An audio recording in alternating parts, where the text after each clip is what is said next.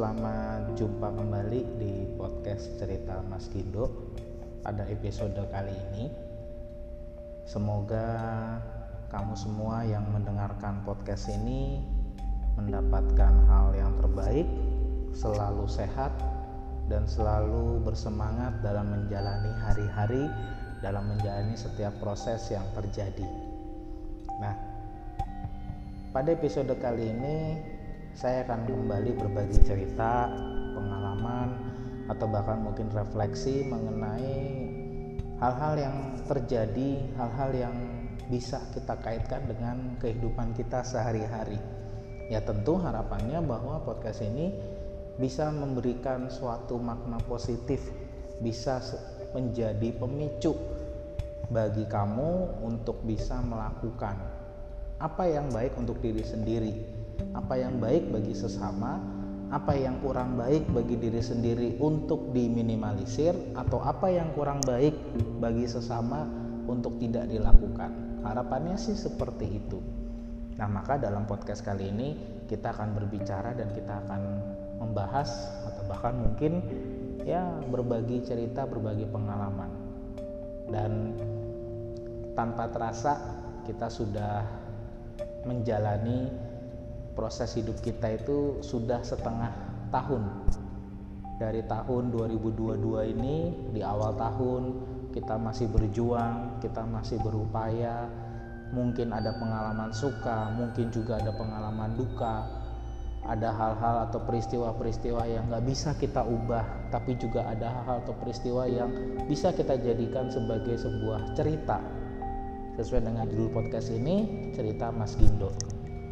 Nah selama setengah tahun ini dari mulai awal tahun sampai dengan saat ini seperti tadi saya katakan bahwa kita pasti memiliki banyak cerita kita masih memiliki banyak pengalaman.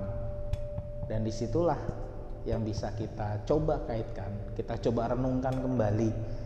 Dan harapannya nanti juga selain mendapatkan pembelajaran atau mendapatkan makna dari setiap peristiwa tersebut, kita bisa menata kembali untuk menjalani hidup kita di sisa tahun ini. Jadi di tengah tahun ini masih ada setengah tahun lagi yang harus kita jalani sampai dengan tahun 2022 ini berakhir. Atau bahkan mungkin kita nanti masuk lagi ke tahun yang baru 2023, maka akan ada hal yang harus kita lakukan kembali. Nah, saya akan memulai podcast ini dengan dua buah pertanyaan dua buah pertanyaan di mana pertanyaan ini bisa kamu renungkan, bisa kamu jawab atau bahkan mungkin bisa kamu tuliskan dalam catatan pribadimu. Pertanyaan yang pertama adalah apa yang akan kamu lakukan? Lalu yang kedua, apa yang sudah kamu siapkan? Dua pertanyaan sederhana itu. Saya ulangi lagi. Pertanyaan pertama adalah apa yang akan kamu lakukan? Silakan kamu tulis atau kamu jawab dalam hati mengenai apa sih yang akan kamu lakukan. Saya beri waktu.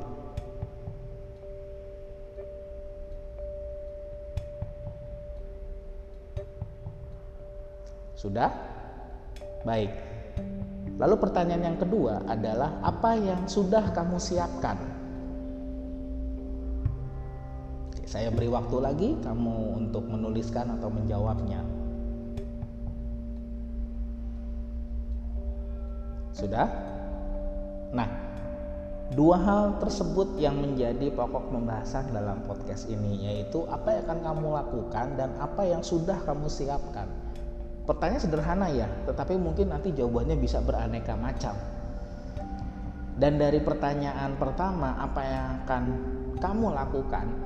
Tentu kamu sudah mempersiapkan. Di sini kita mau berbicara tentang apa sih yang mau kamu tuju atau mau yang kamu capai?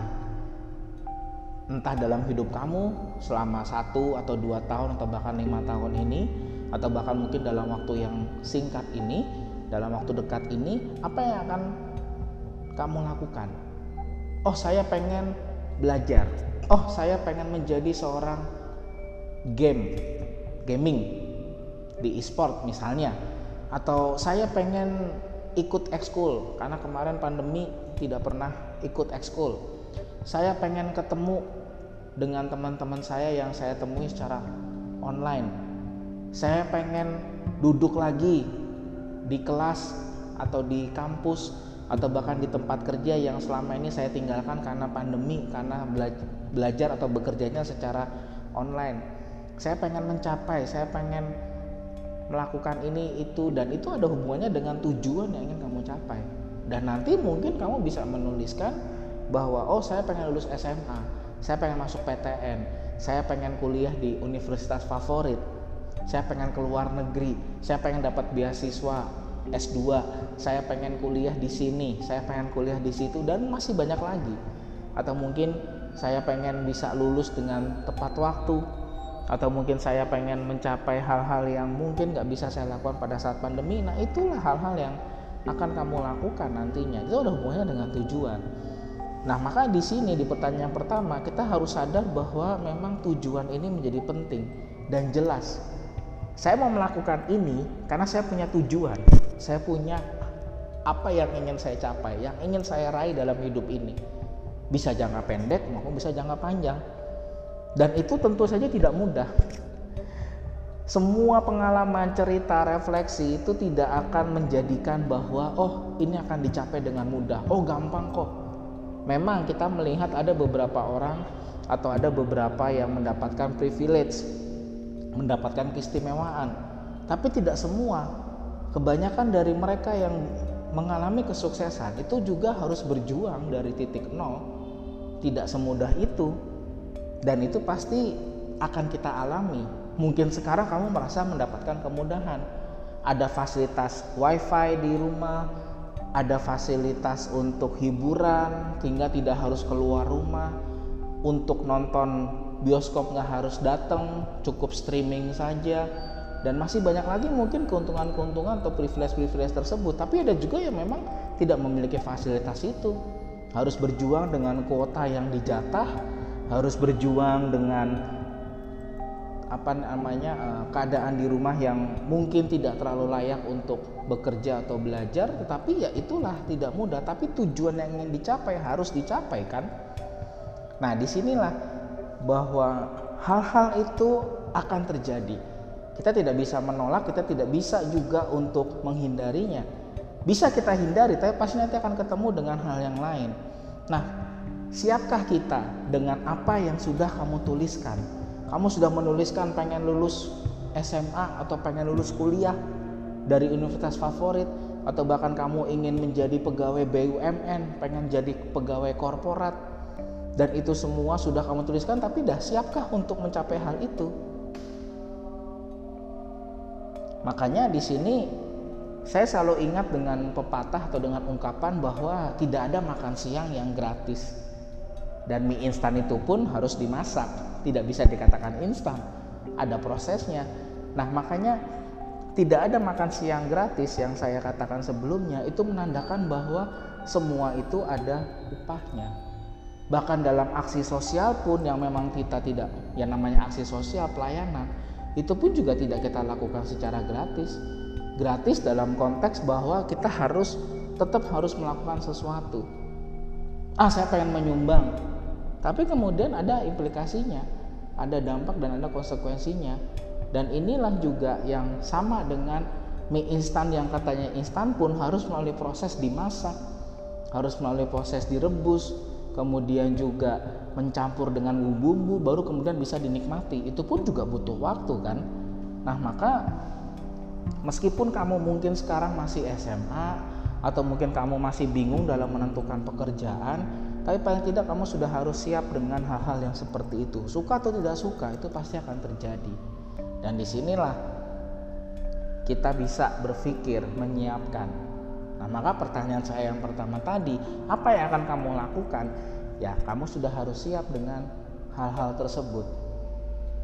Lalu ke pertanyaan yang kedua, apa yang sudah kamu siapkan? Ini ada hubungannya juga dengan pertanyaan yang pertama tadi jadi untuk meraih impian, cita-cita, tujuan, keinginan yang akan kamu raih, yang akan kamu capai, itu tentu ada modal yang harus kamu siapkan.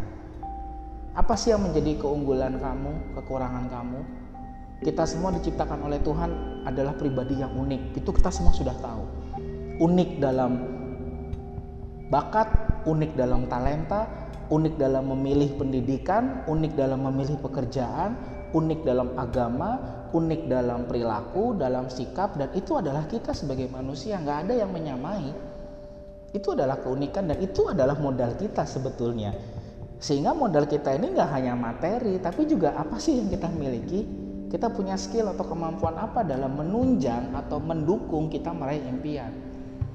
Oh saya pengen meraih impian sebagai seorang pro gaming dalam game online. Modalnya apa? Ya tentu kamu harus punya skill kemampuan dalam main game tersebut. Apakah sudah teruji dengan main game yang betul-betul kamu berkompetisi secara sehat dengan orang-orang yang memang kemampuan gamingnya itu juga baik. Oh saya pengen menjadi seorang atlet profesional. Apakah kamu punya skill yang mumpuni atau punya kemampuan dasar yang memang bisa kamu jadikan modal untuk berlatih bersama dengan teman-teman atau orang-orang yang memang berkecimpung dalam bidang olahraga tersebut. Dan ini tentu saya memiliki sebuah keinginan. Kalau kamu pengen menjadi seorang atlet gaming misalnya, seperti tadi saya contohkan, tapi skill kamu dalam game online tidak ya tidak tidak apa tidak menguasai game tersebut, maka menjadi lucu kan? wah saya pengen menjadi atlet gaming Mobile Legend misalnya. Pernah main Mobile Legend nggak? Nggak pernah. Pernah tahu nggak karakter-karakter yang dipakai di Mobile Legend? Nggak tahu.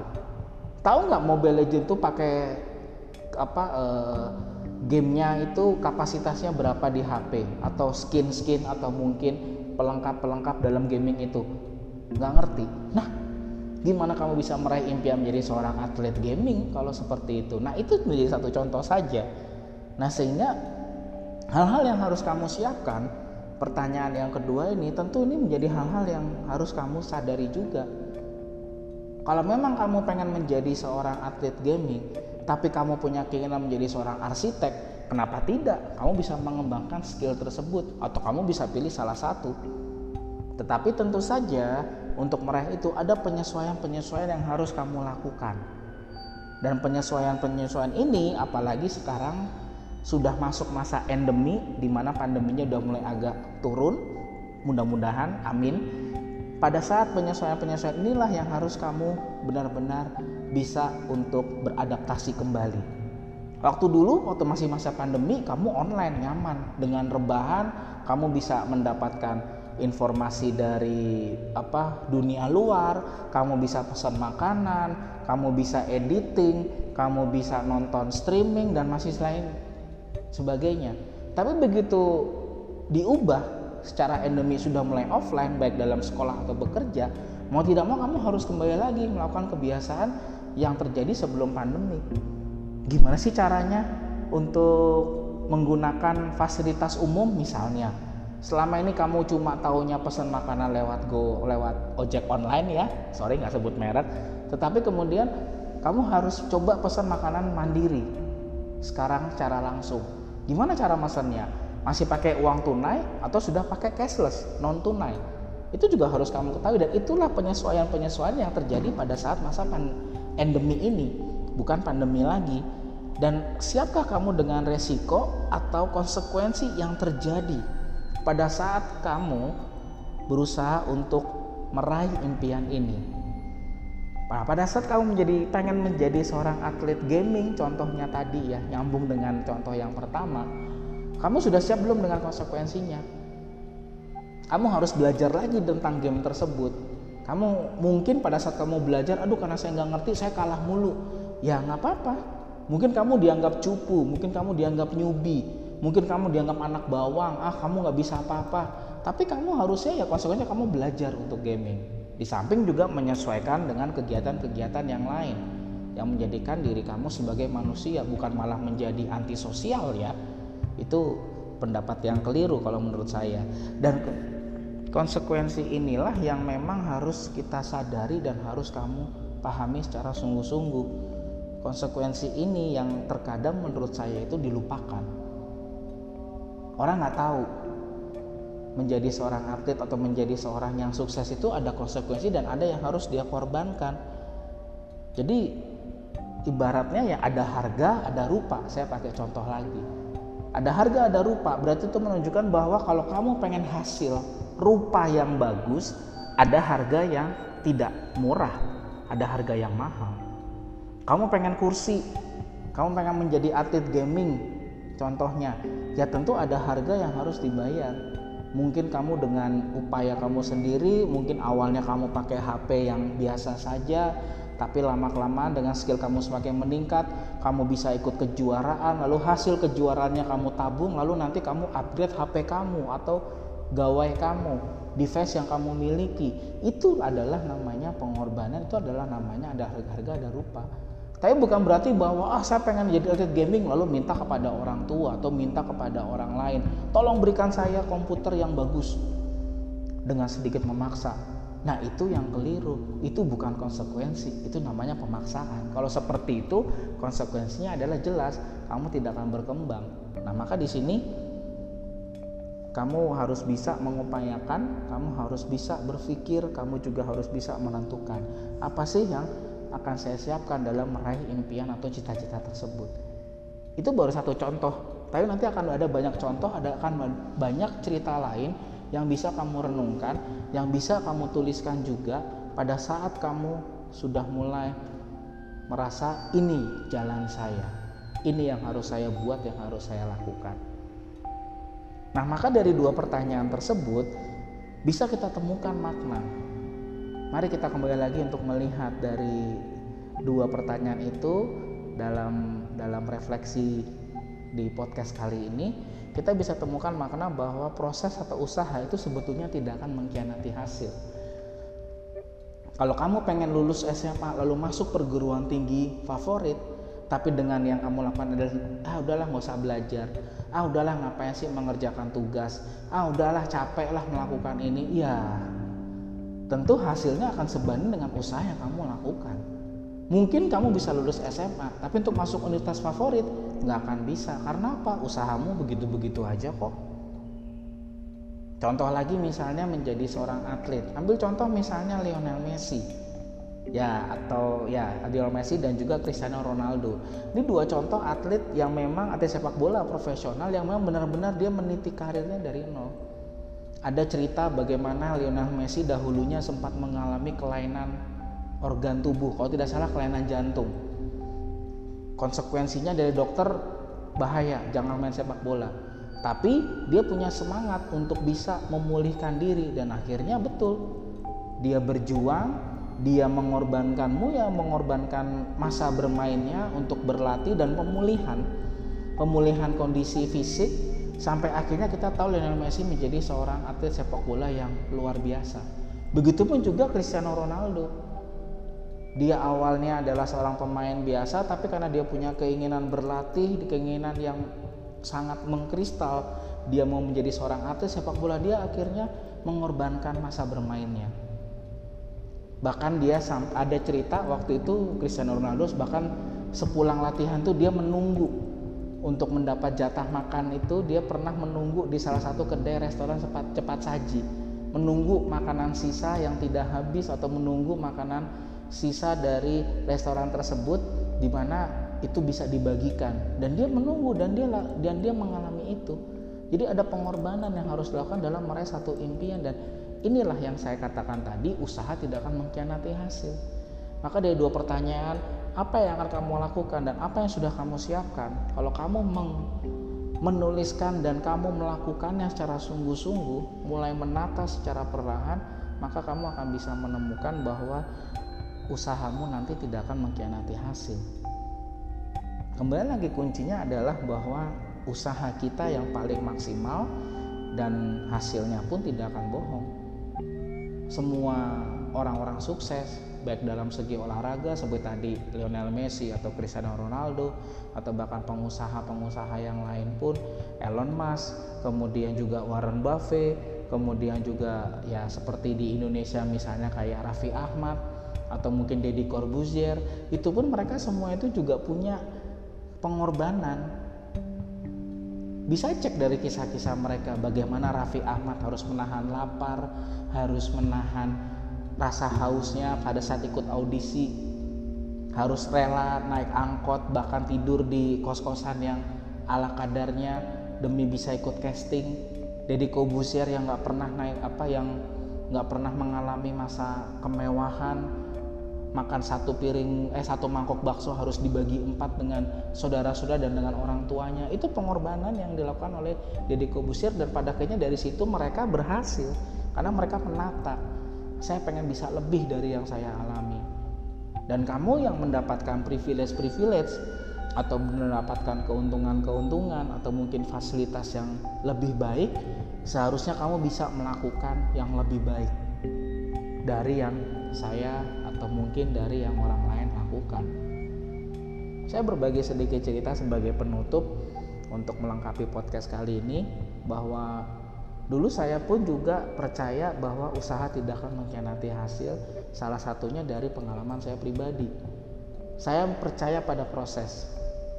Dan proses saya kuliah, asal kamu tahu, mungkin kamu pernah dengar juga, saya kuliah itu selama enam tahun.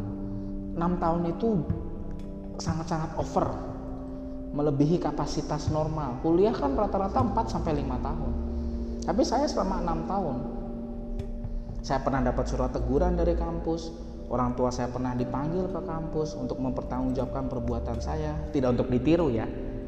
Tetapi dalam dalam enam tahun proses tersebut meskipun saya mengalami pasang surut jatuh bangun dalam menyelesaikan kuliah tetapi saya percaya bahwa sekarang itu menjadi sebuah cerita yang meneguhkan yang bisa saya bagikan kepada kamu. Bahwa selama enam tahun itu saya tidak saya merasa bahwa itu bukan tahun yang kesia-siaan selama enam tahun saya belajar bagaimana saya menata diri. Selama enam tahun juga saya belajar bagaimana saya menyesuaikan diri saya. Dan selama enam tahun juga saya belajar bagaimana bertanggung jawab untuk menyelesaikan sebuah tugas yang diberikan kepada kita. Dan di situlah saya merasa tidak sia-sia. Orang kalau misalnya mau berbangga wih Pak Gino kuliah 6 tahun kakak saya Pak itu 4 tahun selesai wah saudara saya Pak tiga setengah tahun selesai cum laude lulus membanggakan saya lulus pun juga bukan lulus yang berprestasi banget biasa saja tapi saya percaya bahwa enam tahun dengan usaha saya itu tidak akan mengkhianati hasilnya dan hasilnya saya bisa berbagi cerita, saya bisa berbagi pengalaman, dan mungkin nanti kamu yang berbagi pengalaman yang saya angkat dalam kisah kali ini atau mungkin dalam episode podcast yang berikutnya. Ya kita tunggu saja. Jalan kamu masih panjang, masih ada kesempatan, gunakanlah itu, lakukanlah segala yang terbaik dan yakinlah jika kamu melakukannya secara maksimal, dan kamu meminta pendampingan dari Tuhan, jangan lupakan ini ya, bahwa Tuhan pasti akan selalu mendampingi, memberikan kamu hasil yang terbaik, maka kamu akan mendapatkan yang terbaik juga. Yang terbaiknya bukan yang terbaik menurut kita loh ya, tapi yang terbaik menurut Tuhan. Apa pun itu pasti sudah disiapkan, hanya kita tinggal berusaha secara maksimal saja. Dan saya percaya bahwa semua proses yang akan kamu lakukan sepanjang tahun ini sampai dengan akhir tahun nanti itu bukanlah proses yang sia-sia. Asalkan kamu mengikutinya dengan sungguh-sungguh, kamu memaksimalkan apa yang kamu miliki. Terutama dalam situasi-situasi setelah masa pandemi ini. Selamat berjuang, selamat berproses. Deus Providebit. Sampai jumpa lagi.